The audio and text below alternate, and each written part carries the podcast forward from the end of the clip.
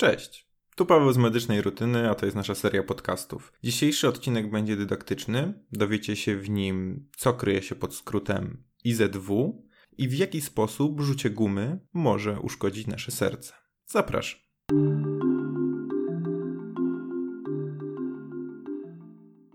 Troszkę była przerwa od nagrywania. Mam nadzieję, że jakoś dzisiaj pójdzie, bo też temat jest um, całkiem skomplikowany i, i rozbudowany, ale postaram się go jak najbardziej uprościć, żeby to było łatwe do strawienia i do odsłuchania.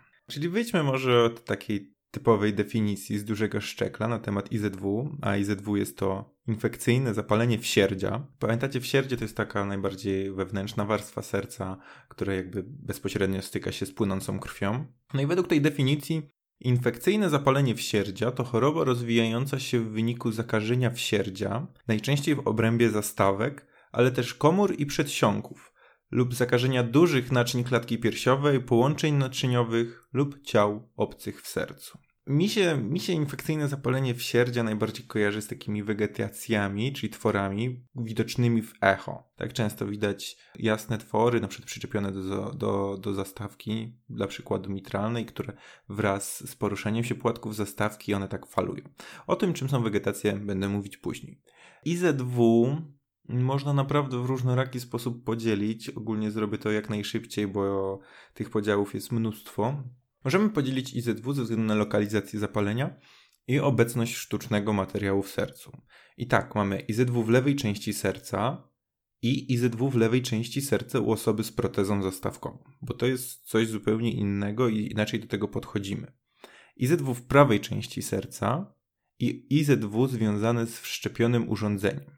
Jeżeli chodzi o te podziały, to jeszcze możemy podzielić ze względu na czynnik etiologiczny. Wiadomo jest, że bakteryjne IZW to jest chyba 95% wszystkich. No i jest jeszcze grzybiczek, który stanowi ten znikomy e, procent.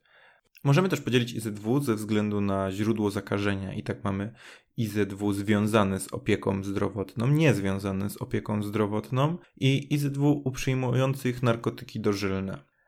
Możemy teraz sobie, możecie się tak zastanowić, taka mała zagadka. Wyobraźcie sobie, że ktoś przyjmuje narkotyki dożylne, to jakiego IZW będziemy się u niego spodziewać? Później to wszystko wyjaśnię, ale możecie się teraz tak dla siebie zastanowić, co się będzie działo takiej osoby.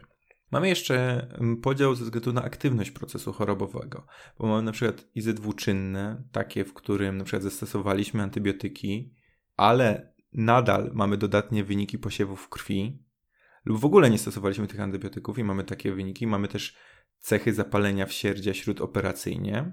No i mamy też IZW wyleczone. Troszeczkę epidemiologicznych danych. IZW u osób z wadą serca występuje około 1-2% przypadków. W populacji ogólnej liczba tych przypadków to około 20 na 100 tysięcy na rok i mężczyźni chorują dwa razy częściej, a do tego liczba zachorowań rośnie wraz z wiekiem. Troszeczkę już mówiłem o tej e, etiologicznej części, czyli że bakterie to ponad 90% przypadków. I teraz jak to się dzieje, że mamy te bakterie w sercu i tam one doprowadzają do destrukcyjnych zmian? No bo sobie możemy pomyśleć, kurde, skąd, skąd bakterie się tam dostały, tak? No przecież nikt ich tam nie wsadził. Ale prawda jest taka, że bakteriemia, czyli stan, w którym występują określone bakterie we krwi, jest nam bliższe niż wam się wydaje. I, I ten początek tego podcastu wspominał o rzuciu gumy. Wyobraźcie sobie, że rzucie gumy czy cukierków sprawia, że mamy dodatnie posiewy y, wskazujące na bakteriemię u od 17 do 51% badanych. Czyli widzicie, jest tam jakiś obiekt w tych ustach, on podrażnia, narusza, sprawia, że te bakterie dostają się do krwioobiegu inne rzeczy, mycie zębów. Wydawało się, że, że jakby no to jest coś, czym zapobiegamy tym bakteriom, ale mycie zębów sprawia, że nawet do 26% e, badanych ma dodatnie posiewy po takim myciu. No, oczywiście jest jakby ona przejściowa i jest jakby naturalna, fizjologiczna. To nie jest tak, że to jest coś, czym się powinniśmy martwić, ale z drugiej strony pewne osoby powinny mieć tą świadomość. Dlaczego pewne osoby? Ponieważ rozwój IZW wymaga kilku czynników. No tak zostaliśmy mm, w toku ewolucji e, zaprojektowani, że nasze serce w normalnych sytuacjach, gdy występuje ta bakteriemia, to sobie radzi, bo tam za bardzo te bakterie nie mają się do czego przyczepić. Serce fajnie pracuje, wypukuje te bakterie dalej, idą z prądem krwi, no i jest w miarę ok. Natomiast gdy dochodzi do zmiany właściwości w serca, to jest już zupełnie inaczej. Dochodzi później do gromadzenia złogów płytek i włóknika, a jeżeli do tego mamy występowanie mikroorganizmów zdolnych do ich kolonizacji, no to mamy przepis na idealny IZW, czyli te bakterie, które pojawiają się nam okresowo we krwi, w pewnych sytuacjach dostają na tyle przyjazne środowisko, że one się tam zaczepiają i rozpoczynają proces destrukcyjny. Gdy, gdy te czynniki są na tyle optymalne, właśnie powstają te wegetacje, o których mówiłem, że są na przykład wykrywane w echo serca. Wegetacje to są takie swoiste struktury dla IZW, konglomeraty pewnych drobnoustrojów, płytek krwi, fibryny i komórek zapalnych. Dlaczego o nich mówię? Bo one są ważne w swego rodzaju diagnostyce IZW, bo taka wegetacja już nam bezpośrednio powie, z czym mamy do czynienia, ale też konsekwencjach IZW, w powikłaniach IZW, ponieważ są one często materiałem zatorowym. Wegetacja duża, czyli powyżej 10 mm, już stanowi zagrożenie, że oderwie się i stanie się ona materiałem zatorowym. No a i jakie są właśnie te predyspozycje do IZW? Co sprawia, że to serce staje się podatne? No to tak, przebyta choroba reumatyczna. Tylko, że choroba reumatyczna to jest już schyłek epoki i jest ona naprawdę porą, sporą rzadkością. Co innego? Wady wrodzone serca. Czyli wiemy, coś jest nie tak, jest jakiś inaczej przepływ przez to serce, coś jest powiększone, coś jest pomniejszone, coś jest dodane i tu już nie jest to tak na tyle fizjologiczne, żeby te bakterie się tego nie chwytały. Dalej, wypadanie płatka zastawki mitralnej z towarzyszącą niedomykalnością. Kardiomiopatia przerostowa, zastawka dwupłatkowa. Przebyte już zapalenie wsierdzia. Immunosupresja. Dożylne przyjmowanie narkotyków. No i tutaj, tak jak mówiłem, żebyście się zastanowili, co się będzie działo, no jak y, wiemy, że dożylne przyjmowanie narkotyków zwiększa prawdopodobieństwo IZW, no to możemy się domyśleć, przyjmuje się je dożylnie, krew żylna płynie do prawej części serca, więc będziemy mieli IZW serca prawego. No i taka jest prawda, najczęściej jest wtedy zajęta zastawka trójdzielna. Jest jeszcze coś takiego jak biofilm, jeżeli chodzi o chorych z IZW. Są to substancje, zbiór substancji, polimerów zewnątrzkomórkowych wytwarzanych przez drobnoustroje, przylegające do powierzchni ciał obcych, takich jak cewniki czy sztuczne zastawki. Dlaczego o tym mówię? Bo możemy sobie pomyśleć, o, no to tam sobie coś wytworzyły, w sumie jak się da antybiotyk, no to spokojnie cały się ten biofilm, e, tego biofilmu się pozbędziemy. No właśnie tak nie jest, ponieważ ten biofil jest na tyle taką szczelną barierą, że często może utrudniać penetrację antybiotyków. I te bakterie, które się pod nim znajdują, są bezpieczne. E, dlatego bywa tak, że jeżeli ten biofilm narósł na tyle, to na przykład trzeba wyciągnąć to urządzenie, które jest wszczepione, bo antybiotykoterapia nie jest skuteczna. Tak, w populacji ogólnej to najczęściej IZW dotyczy zastawki aortalnej lub mitralnej. I co się z nimi dzieje w przebiegu tego IZW? No jest kilka opcji. Jedna z nich to przedziurawienie płatka lub pęknięcie strony ścięgnistej. Może powstać ropień okołozastawkowy.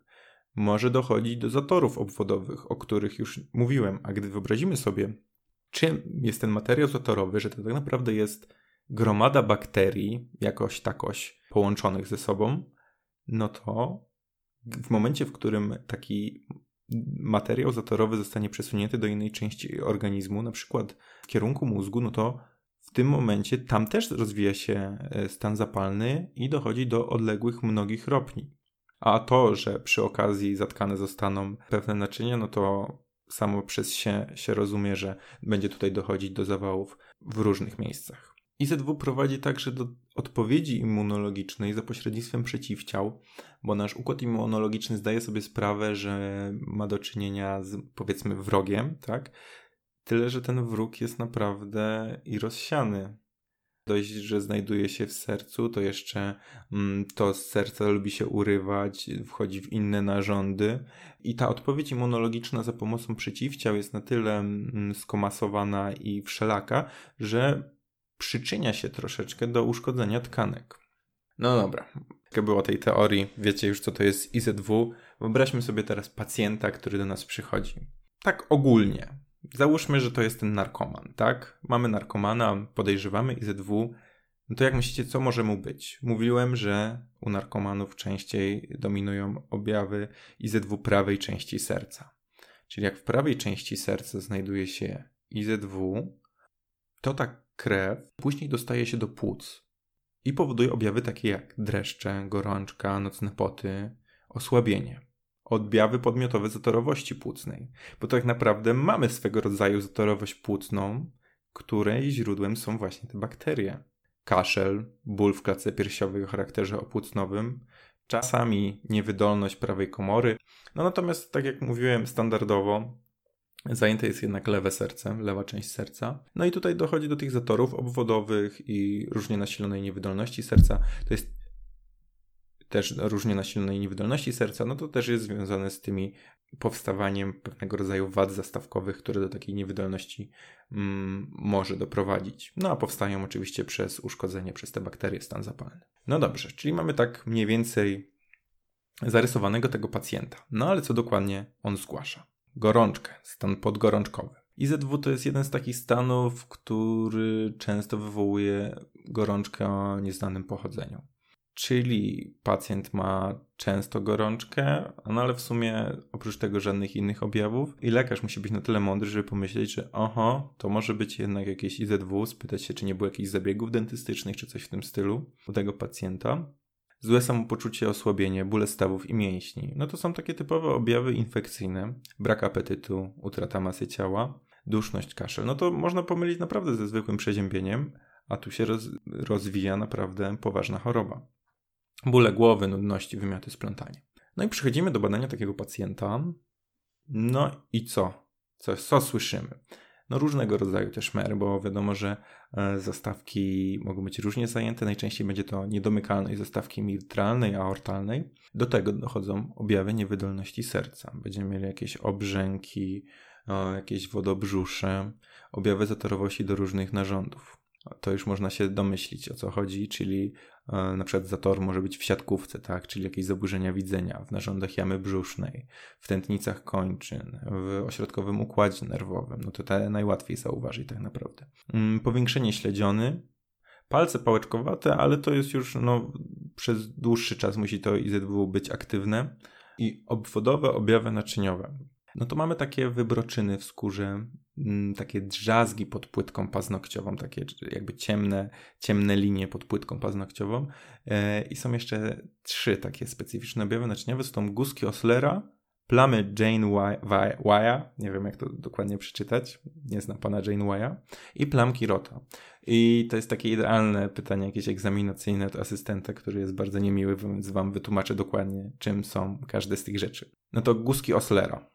Są one stosunkowo późnym i rzadkim objawem skórnym IZW.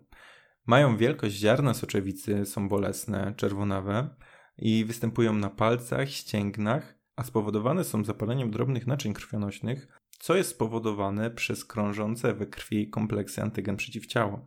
I tu jest to, o czym mówiłem, że nasz układ immunologiczny, chcący zwalczyć choroby, tak naprawdę czasami, czasami działa nam pod górkę tworząc takie objawy jak właśnie kuski Oslera. Dobrze, plamy Jane Wya. Kolejny późny i rzadki, bo jak pytać o jakieś objawy, to są to najrzadsze. Objaw skórny IZW. Małe, niebolesne zmiany na dłoniach i stopach, tak? Tam mieliśmy palce ścięgna. I mają charakter rumieniowy albo krwotoczny. Podobne do gusków Oslera, bo wszystko musi być oczywiście podobne do siebie, ale nie są bolesne. Plamki rota. Jest to no, objaw już na szczęście w badaniu dna oka, czyli ciężej go pomylić z tymi innymi i są to takie jakby krwawe wybroczyny w siatkówce, o tyle ciekawe, że mają blady środek i po, potem jest dosyć łatwo je rozpoznać. No jakbyśmy mieli teraz jeszcze mówić o tych objawach, które są najczęstsze, no to po prostu ten najczęstszy objaw to jest gorączka, zatory, zmiany skórne, e, no i szmery serca. A te różne, no to w zależności od, od szczęścia czy nieszczęścia pacjentów. No to mamy takiego pacjenta, mamy pewne podejrzenia, no ale przydałoby się pewne rozpoznanie, a nie tylko przeczucie, że to może być IZW. No to co robimy?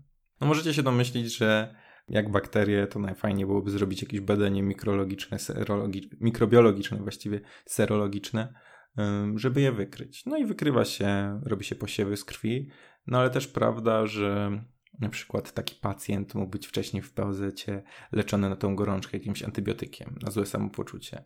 No i te posiewy są takie, że mogą wyjść dodatnie, mogą wyjść ujemne, różnie bywa. Ale takim, można powiedzieć, mocno usytuowanym badaniem w rozpoznawaniu IZW jest echo. Szczególnie echo przez przełykowe. Mm, ono ma większą szansę na wychwycenie tych wszystkich zmian, no ale wiadomo, czasami nie ma do niego dostępu, czasami jest trudno je pacjentowi zrobić. I co możemy zobaczyć w echo? No już na samym początku powiedziałem, że będą to wegetacje, ale oprócz tego uszkodzenie zastawek, te powikłania około zastawkowe, o których mówiłem, czyli ropnie, tętniaki rzekome, przetoki wewnątrzsercowe, no jest pewien problem.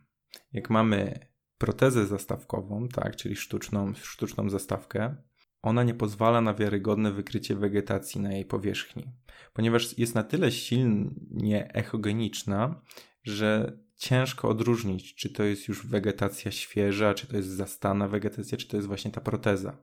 No i tu jest problem. Yy, I w takich sytuacjach mamy na przykład TK wielorzędowe, gdy echo jest takie niejednoznaczne, no to TK nam jakby wyraźnie pokaże te wszystkie struktury. No i chcielibyśmy już to rozpoznać. Mamy pewne rzeczy. No i tutaj są kryteria duże i małe. Bardzo nie lubię takich chorób, gdzie są kryteria i trzeba zapamiętać, ile takich kryteriów, ile takich kryteriów potrzebnych do rozpoznania danej choroby. Ogólnie powiem Wam, jakie to są kryteria duże. Dodatnie wyniki posiewów krwi na określone te bakterie i wyniki badań obrazowych potwierdzających IZW, czyli mamy wegetację. No to to jest naprawdę kryterium duże, takie, że praktycznie pewnie jesteśmy tego IZW. E, ropnie, te tętniaki, rzekome przetoki, perforacje płatków. No i to są kryteria duże. No, a kryteria małe, wada serca, choroba serca lub dożylne narkotyki w wywiadzie. Gorączka powyżej 38 stopni, objawy naczyniowe, te o których mówiłem, zjawiska immunologiczne. Tutaj jest na przykład kłębuszkowe zapalenie nerek, obecność czynnika reumatoidalnego, czy te guzki Oslera, Plankirota i dowody mikrobiologiczne. No bo czasami jest tak, że jakiś posiew wyjdzie taki pewny, że w dwóch posiewach kolejnych wykryjemy tą bakterię, czasami nie. No i, i nie wiemy, czy to faktycznie ta bakteria powoduje to IZW. Nie będę Wam mówić dokładnie, ile kryteriów dużych, ile kryteriów małych, bo to mija się z sensem.